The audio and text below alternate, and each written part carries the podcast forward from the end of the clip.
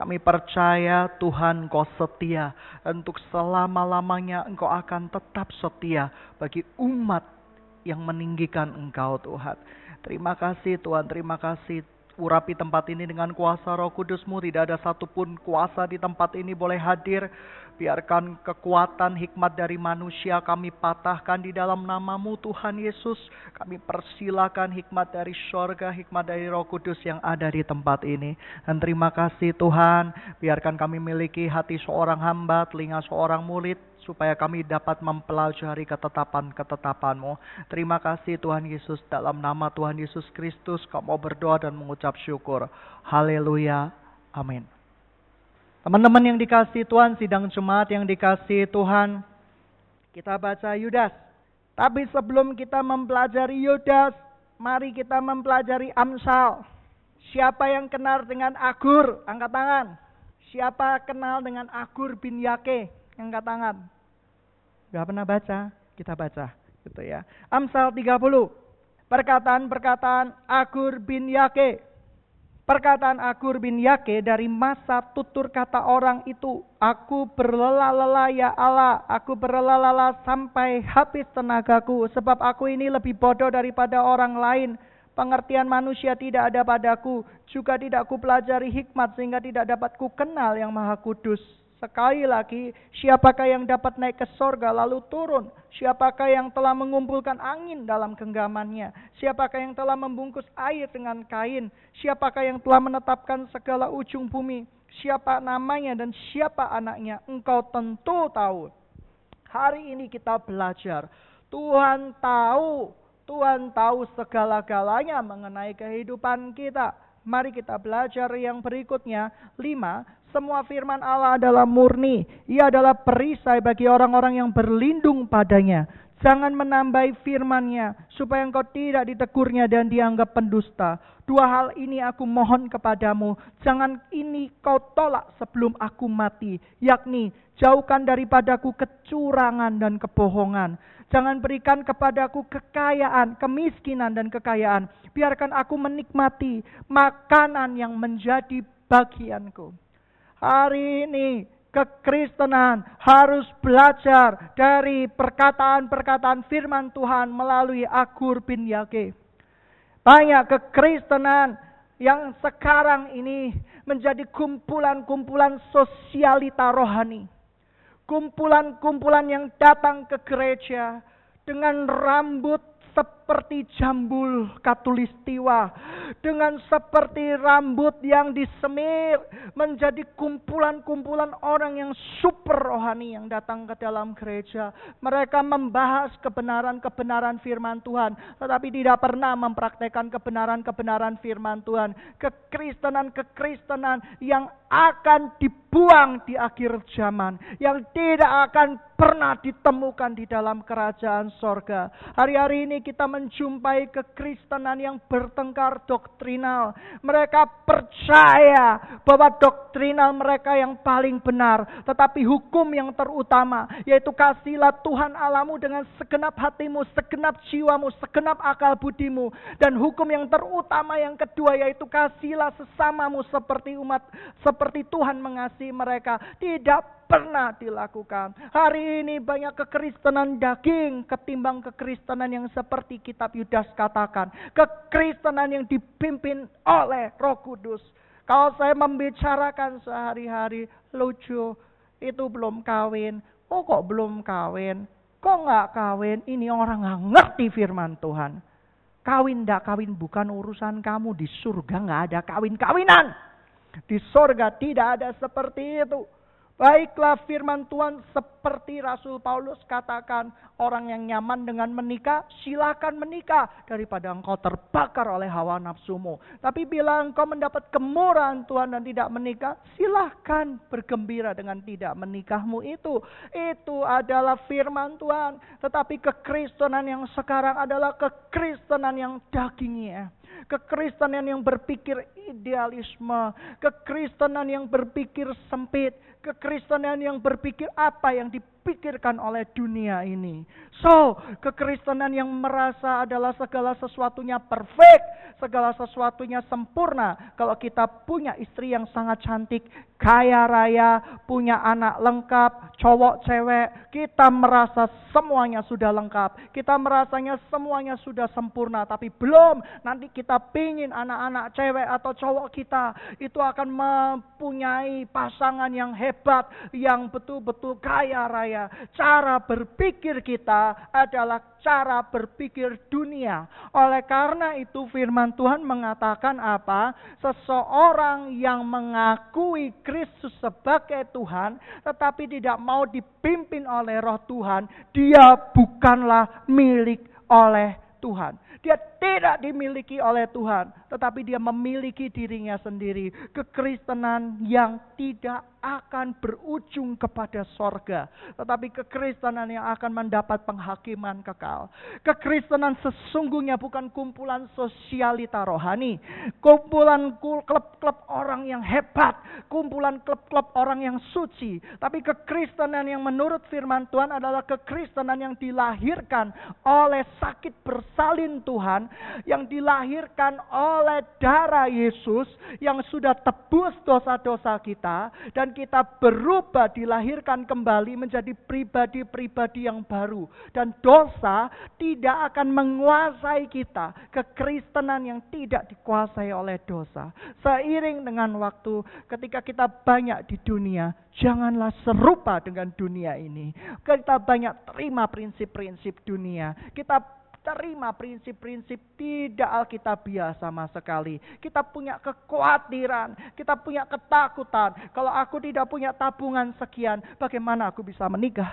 Ketika aku tidak punya tabungan sekian, bagaimana aku bisa melahirkan anak-anakku? Ketika aku tidak punya tabungan sejumlah sekian, bagaimana aku bisa berbahagia? Saya mau kasih tahu, kekristenan yang seperti ini adalah kekristenan sampah, kekristenan yang mengotori kesucian Tuhan, yang kekristenan yang di mana kekristenan kekristenan hanya pandai berbicara, tidak bisa melakukannya di dalam kehidupan sehari-hari. Oleh karena itu kekristenan yang seperti ini, firman Tuhan di dalam kitab Wahyu katakan, aku akan membuangnya. Engkau tidak panas atau tidak dingin. Engkau cuma suam-suam kuku dan engkau tidak pernah bisa melakukan apa yang benar di mataku. Oleh karena itu nyala engkau.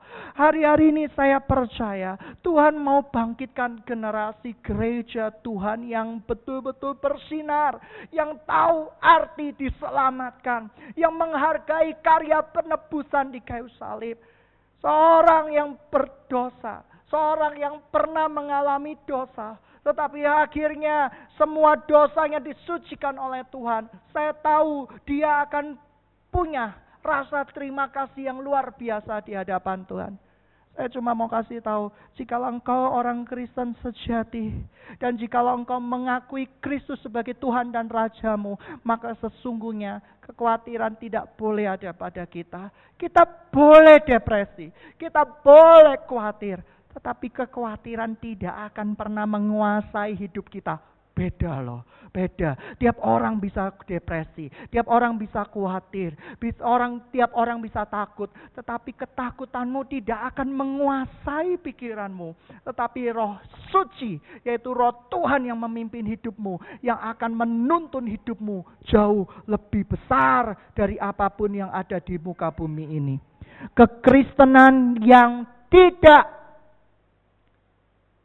money oriented kita belajar perkataan Agur bin Yake. Aku mohon sebelum kematianku Tuhan. Orang yang mau meninggal pasti tahu. Pasti sudah mengalami asam garam kehidupan. Saya percaya dia cuma meminta dua hal di dalam hidupnya. Dan kita melihat bahwa jangan kau tolak aku, jauhkan padaku kecurangan dan kebohongan.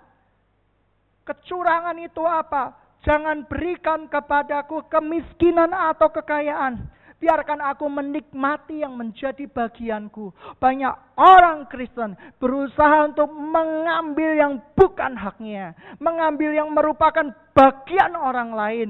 Dia korupsi orang lain, dia korupsi orang lain, dia ambil bagiannya orang lain dan dia anggap itu berkat dari Tuhan. Dan sesungguhnya angkatan-angkatan ini kitab Yudas katakan mereka tidak pernah mengenal Tuhan. Mereka menuruti hawa nafsunya sendiri dan oleh karena itu upah dari mereka sudah jelas. Mereka hanya pandai bersilat lidah, tetapi mereka tidak bersungguh-sungguh di dalam Tuhan. Sidang jemaat yang dikasih Tuhan, saya berbahagia. Saya banyak yang bertunangan, banyak yang berpasangan. Mungkin ini pertanyaan klasik dari seorang gembala, tapi biarin klasik yang penting lu masuk surga. Daripada munafik kamu gak masuk surga. Saya mau kasih tahu, sudahkah Anda berdoa buat pasanganmu? Sudah anda, anda menyertakan Tuhan di dalam semuanya itu.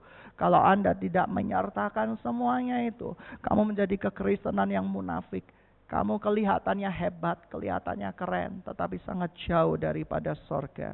Dan hari ini saya mau kasih tahu, jangan berikan padaku kemiskinan atau kekayaan. Sembilan, supaya kalau aku kenyang, aku tidak menyangkalmu.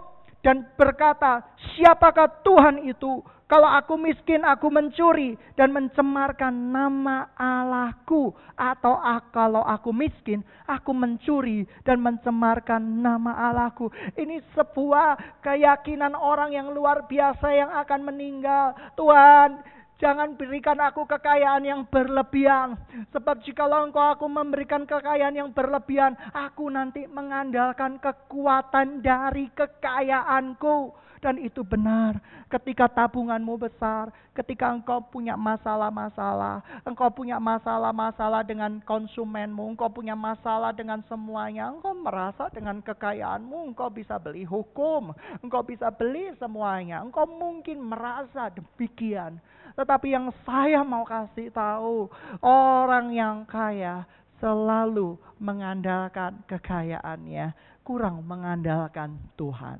Tapi orang yang miskin, jangan sampai kita miskin berlebihan, makan saja tidak bisa, sampai kita mencuri dan mencemarkan nama Tuhan kita. Tapi berikan yang menjadi bagian kami, dan kami bersyukur atas bagian kami.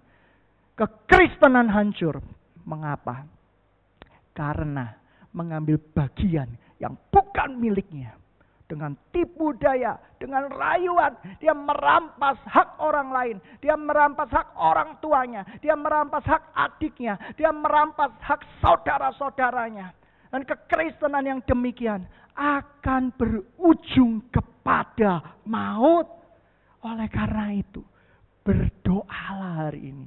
Tuhan, Berikan aku bagianku dan ajari aku menyenangi bagianku. Sesungguhnya aku mengetahui rancangan-rancanganku, bukan rancangan-rancangan kecelakaan. Percaya padaku, doa yang tidak memaksa Tuhan. Doalah demikian kepadaku, jadilah kehendakku. Dan itu doa yang paling sulit. Karena pikiran kita mulai curiga sama Tuhan. Jangan-jangan jadilah kehendakmu saya dapat seorang yang jelek sekali. Jangan-jangan kehendakmu saya dapat seorang yang usianya sudah 95 tahun.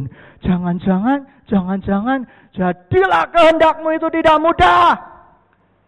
Itu dituntut keyakinan, kepercayaan kita kepada Tuhan. Be it to me according to word. Saya percaya itu tidak mudah itu dibutuhkan pengenalan akan Tuhan. Sidang jemaat yang dikasih Tuhan. Mengapa kita begitu pahit dengan yang namanya agamawi? Karena banyak orang-orang yang katanya beragama, tapi sesungguhnya sangat jauh dari Tuhan. Kita menjadi sakit hati, kita menjadi pahit. Oleh karena itu, saya menyarankan Anda mengenal Kristus Ketika Anda mengenal Kristus, saya percaya kita tidak akan menjadi kumpulan sosialita rohani. Dengan tas yang mahal, kita datang ke panti asuhan. Melihat anak-anak fakir miskin dan terlantar, kita berlutut dengan anggunnya. Kita mencium mereka di foto, juru foto di mana-mana, selfie. Wah, foto-foto pakai tongsis gitu ya. Mungkin pakai apa ya? Pakai cikra atau apa pun gitu ya seperti itu apa pun yang terjadi lah. Pokoknya apa pun bisa dibuat foto kita pakai apa pun pokoknya. Pakai payung pakai cikra pakai apa. Kita narsis di sana lalu kita mulai tersentuh sisi keibuan kita atau kebapaan kita. Kita menangis gitu ya. Sementara Ricky sang juru foto mengambil angle-angle yang terbaik. Ya teruskan menangis teruskan menangis. Ini bagus untuk candid gitu ya. Wah di foto cepet seperti itu Itukah kekristenan? Kalau kekristenan hanya kumpulan sosialita rohani, sebenarnya kekristenan kita adalah kekristenan sampah. Kekristenan yang tidak bernilai apa pun. Kekristenan yang datang ke anak-anak jalanan hanya untuk momen memeras kebutuhan akan air mata kita. Lihat sinetron aja. Cukup peras air mata. Manusia ada kebutuhan air mata. Manusia perlu menangis tapi jangan jadikan panti asuhan anak-anak cacat sebagai momen-momen kita menangis. Setelah selesai dari itu, kita pulang dengan tas mahal kita, naik mobil yang murah, ya sejenis Alphard gitulah, gitu ya. Seperti itu, mending kamu seperti itu.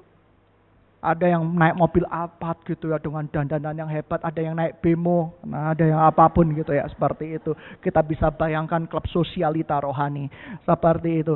Dan setelah itu pulang dengan bangga bahwa Tuhan sudah berkenan atas hidup mereka. Beri kemuliaan buat Tuhan. Jangan sampai kita percaya dengan khotbah-khotbah, cerita-cerita gimmick atau cerita-cerita dongeng yang dibuat untuk menyentuh hati kalian. Kekristenan yang tidak pernah bersumber pada kayu salib. Kekristenan yang masih memikirkan dunia ini dan segala keuntungannya. Kekristenan yang cost and benefit. Kalau aku menikahi dia, keuntungannya apa? Tajir, Pok. Uh, dia nggak tajir, tapi bisa saya suruh-suruh. Kamu mau nyari pegawai apa mencari pasangan? Oh, dia tajir, tapi dia oh suka nyuruh-nyuruh. Aku nggak mau ah. Aku nyari tajir yang bisa disuruh-suruh. Atau wis mungkin nggak usah tajir lah, nggak usah tajir lah, nggak usah yang kaya-kaya, ya. yang biasa-biasa. Tetapi kalau aku marah, dia bisa berdiam diri. Kamu mencari orang untuk melampiaskan emosi kamu. Kamu gila. Kamu bahasa Ibraninya sencingping kamu gitu ya. Kamu bahasa Arabnya betul-betul ah, saya nggak bisa ngomong apa gitu ya. Kamu mencari orang untuk menjadi sumber pelampiasan kamu. Kamu tidak mencari istri atau suami. Kamu mencari boneka-boneka pasangan.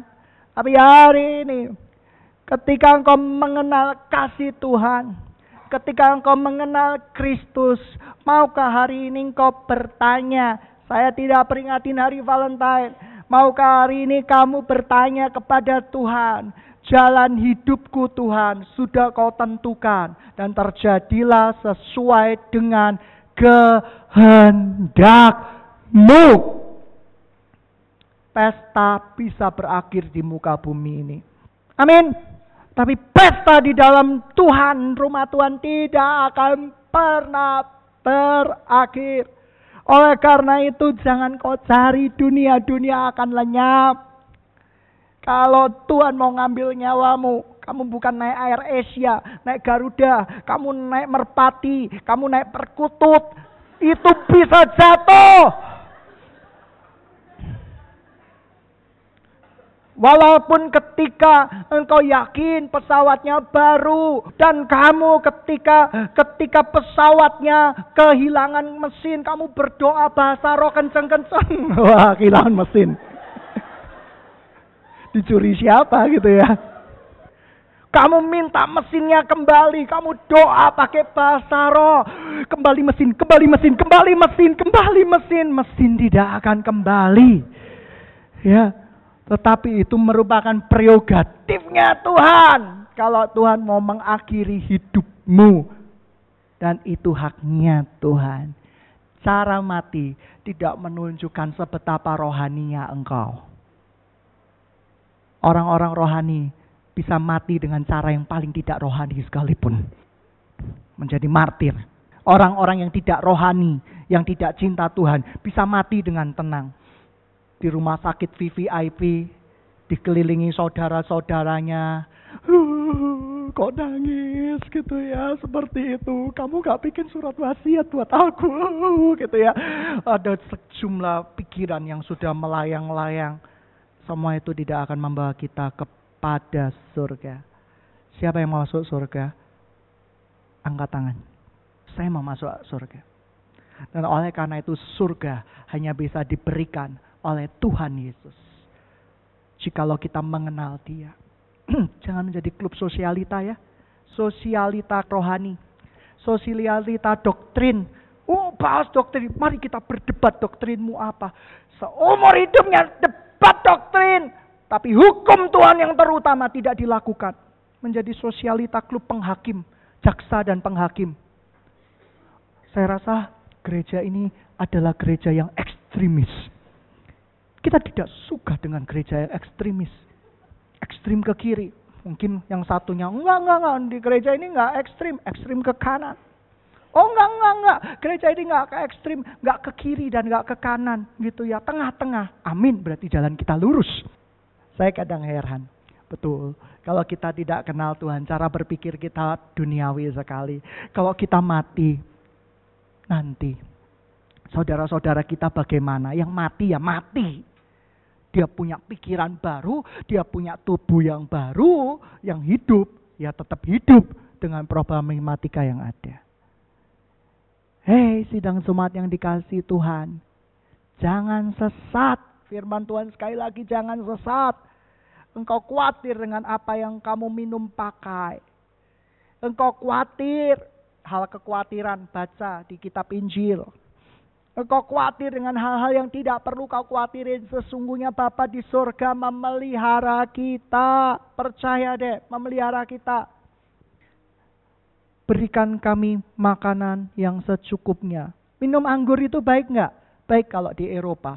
Dia melancarkan pencernaan. Kalau berlebihan, mabuk. Makan babi itu baik nggak? Oh baik. Oh ada yang bilang nggak baik. Gitu ya. Haram lemaknya jahat. Itu haram. Makan babi itu baik kalau di daerah yang dingin-dingin. Tapi kalau terlalu banyak makan babi, kita nggak boleh terlalu berlebihan. Terlalu banyak makan babi kolesterol, ya kolesterol, pundak mulai sakit, itu ya. Terus kepala mulai sakit, hidung mulai membesar, telinga mulai membesar, ya hati-hati. Karena sebentar lagi kan perayaan tahun baru. Pasti ada makanan yang lesat-lesat. Secukupnya. Berikan kami makanan pada hari ini yang secukupnya. Kita belajar dari Agur bin Yake. Berikutnya. Sepuluh. Supaya Jangan mencerta seorang hamba pada tuannya, supaya jangan ia mengutuki engkau dan engkau harus menanggung kesalahan itu. Ada keturunan yang mengutuki ayahnya dan tidak memberkati ibunya. Ada keturunan yang menganggap dirinya tahir, tetapi belum dibasuh dari kotorannya sendiri. Ada keturunan yang berpandangan angku, yang terangkat kelopak matanya. Ada keturunan yang giginya adalah pedang, yang giginya adalah pisau untuk memakan habis dari bumi dan orang-orang yang tertindas dari orang-orang yang miskin di antara manusia. Si Linta mempunyai dua orang anak perempuan. Untukku, untukku, tiga hal yang tidak akan kenyang. Ada empat hal lain yang tidak akan berkata, cukup. Dunia orang mati dan rahim yang mandul. Dan bumi yang tidak pernah puas dengan air. Dan api tidak pernah berkata, cukup mata yang mengolok-ngolok ayah dan enggan mendengarkan ibu akan dipatuk gagak lembah dan dimakan anak raja wali.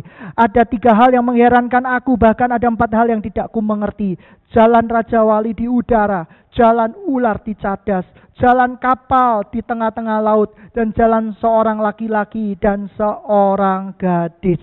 Kita cukup di sini, kita baca kitab Yudas. Surat Yudas pertama. Salam.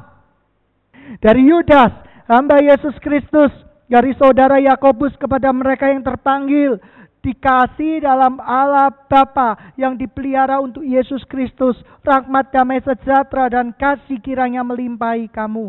Hukuman atas guru-guru palsu, imitasi, KW, ya Saudara-saudaraku yang kekasih, sementara aku bersungguh-sungguh berusaha menulis kepadamu tentang keselamatan kita bersama.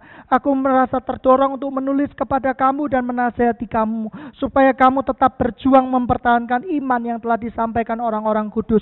Sebab ternyata ada orang tertentu yang telah masuk menyelusup di tengah-tengah kamu, yaitu orang-orang yang telah lama ditentukan untuk dihukum, orang yang sudah ditetapkan untuk dihukum, karena Tuhan Maha Tahu, karena Tuhan mengerti hatinya sudah bersekutu dengan iblis dan tidak mungkin bisa diubahkan lagi.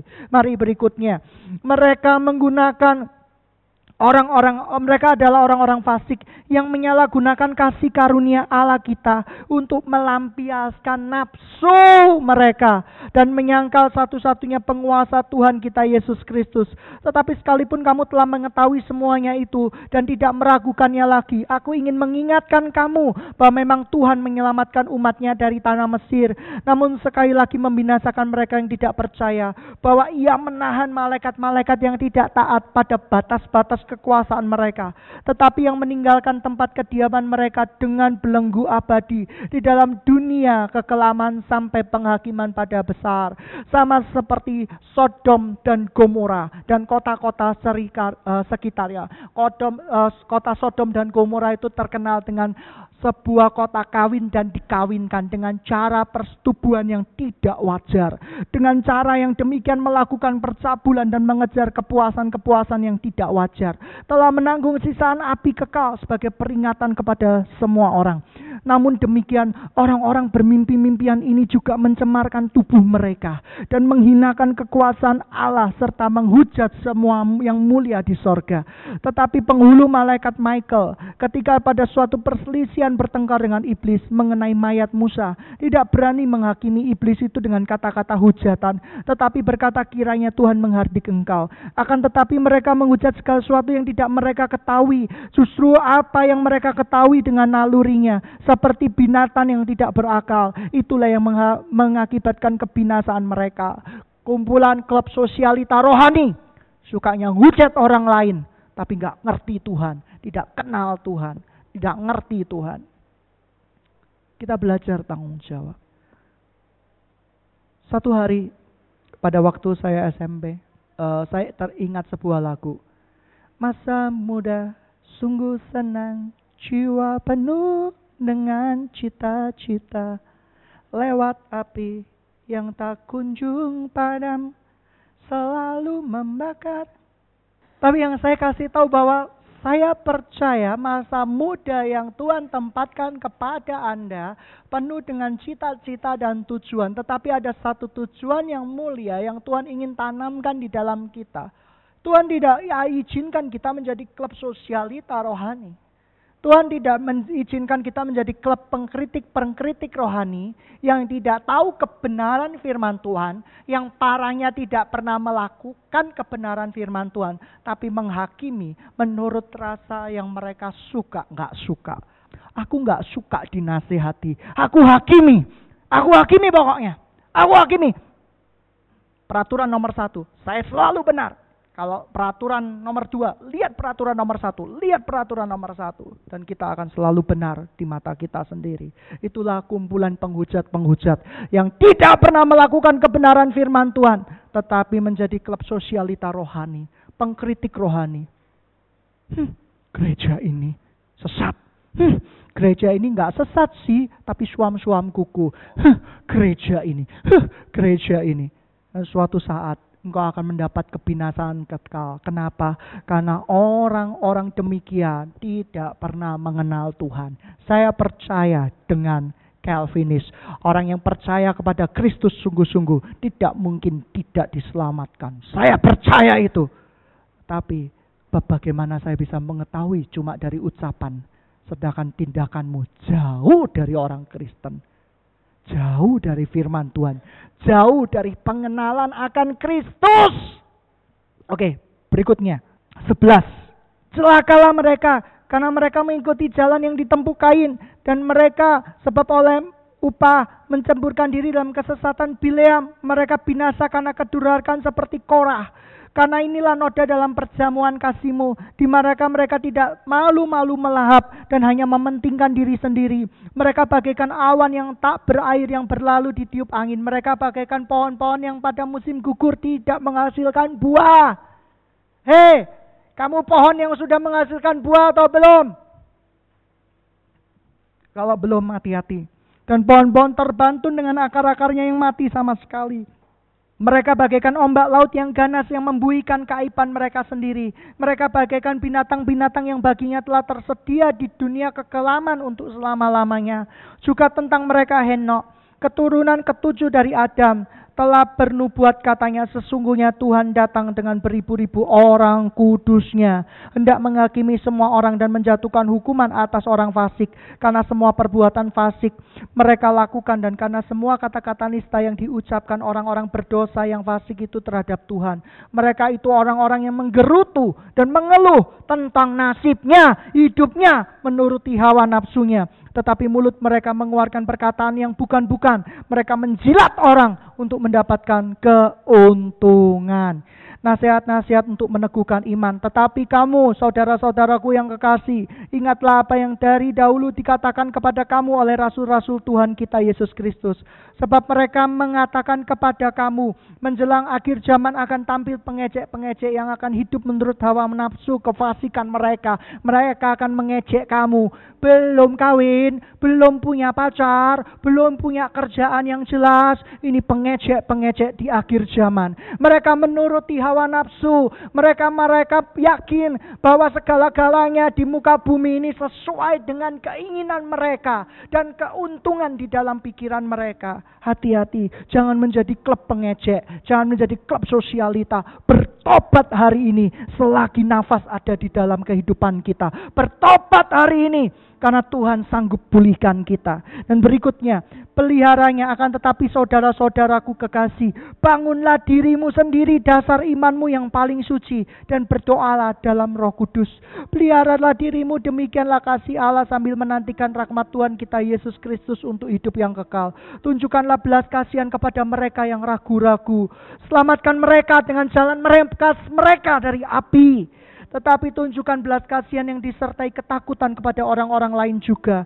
Bencilah pakaian mereka yang dicemarkan oleh keinginan-keinginan dosa. Kelab sosialita rohani. Saya mau kasih tahu. Tuhan rindu kita pulih teman-teman. Saya rindu. Generasi jawaban doa menjadi generasi kita. Ladang sudah menguning saya dulu paling nggak suka pendidikan, tapi ditarik di pendidikan sama Tuhan. Tuhan kita ini punya seni untuk ngerjain orang supaya taat kepada Dia. Seumur umur saya tidak pernah urus perizinan sendiri. Saya selalu suruh orang. Tapi hari-hari ini saya tiap hari belajar ngurus perizinan. Belajar untuk humble, belajar untuk taat. Saya orangnya yang kadang suka teledor, belajar untuk tidak teledor. Kalau engkau dinasehati oleh ayah ibu rohanimu, adik-adik rohanimu, saudara rohanimu, yang membangun engkau ke arah yang benar dan engkau marah, engkau masih kedagingan teman-teman. Engkau nggak hidup di dalam roh. Karena bangunlah mereka dengan dasar yang suci. Bangunlah mereka dari api yang akan menjemput mereka. Yang katanya kenal Tuhan. Tetapi sesungguhnya hidupnya jauh daripada Tuhan. Hari-hari ini saya menangisi. Gereja Tuhan perlu menangisi cara pacaran yang tidak benar.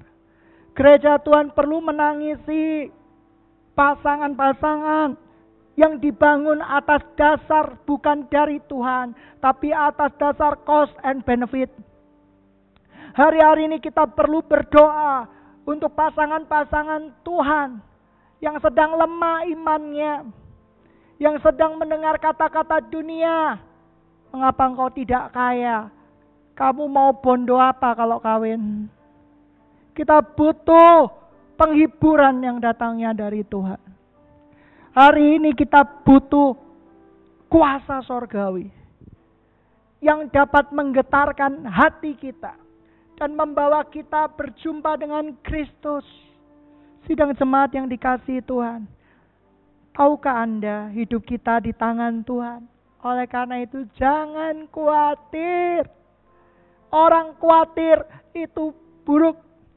Jangan pernah menghakimi orang lain atas dasar satu kesalahan kecil, satu kesalahan yang mereka tidak sengaja mereka lakukan. Sementara kebaikan-kebaikan mereka engkau lupakan seperti orang fasik adanya.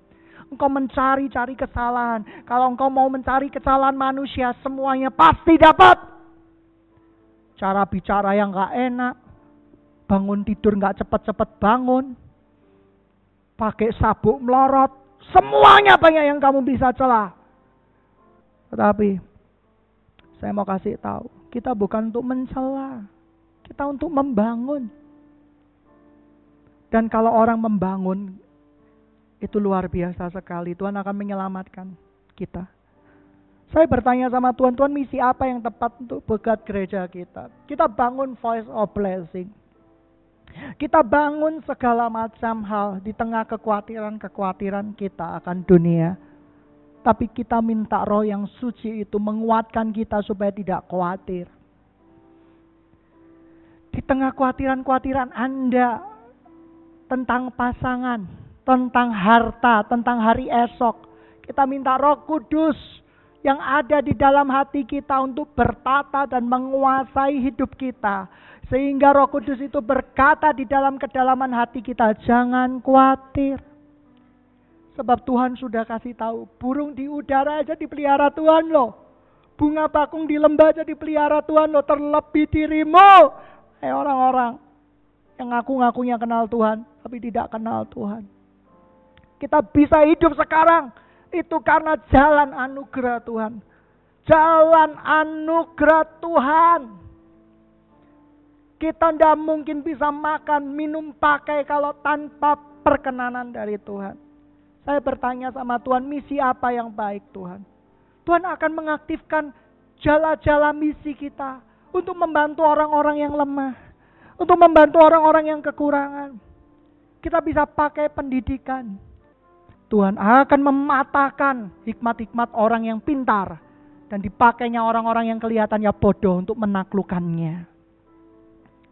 Tapi yang menjadi pertanyaan saya, apakah hanya seperti ini? Ketika saya berdoa Tuhan berkata, tidak, lebih ada lagi. Banyak anak-anak Tuhan yang ikut jalan dunia mereka merancangkan pernikahan, makan minum pakai, dan mereka melupakan tugas amanat agung Tuhan yang mulia, yaitu untuk pergi dan menjadikan semua bangsa murid Kristus baptis mereka atas nama Bapa Putra Roh Kudus. Kita menjadi klub sosialita. Kita menjadi klub-klub rohani, tetapi hidup kita jauh daripada kata rohani itu. Bangunlah dirimu Masa Tuhan tidak bisa pelihara kamu? Kalau kamu ikut misi Tuhan, masa Tuhan akan tinggalin kamu? Masa Tuhan akan buat kamu miskin? Masa Tuhan akan membuat kamu terlunta-lunta, kamu gak bisa makan? Tapi kalau Tuhan memerintahkan engkau, Tuhan akan menetapkan langkah-langkahmu. Hari-hari ini perlu generasi yang berkata, Tuhan utus aku saya mau Tuhan, kita menjadi generasi yang berkata, utus aku Tuhan. Kita meminta hari ini. Tuhan mengutus kita ke ladang-ladang Tuhan. Jangan menjadi kumpulan orang Kristen label.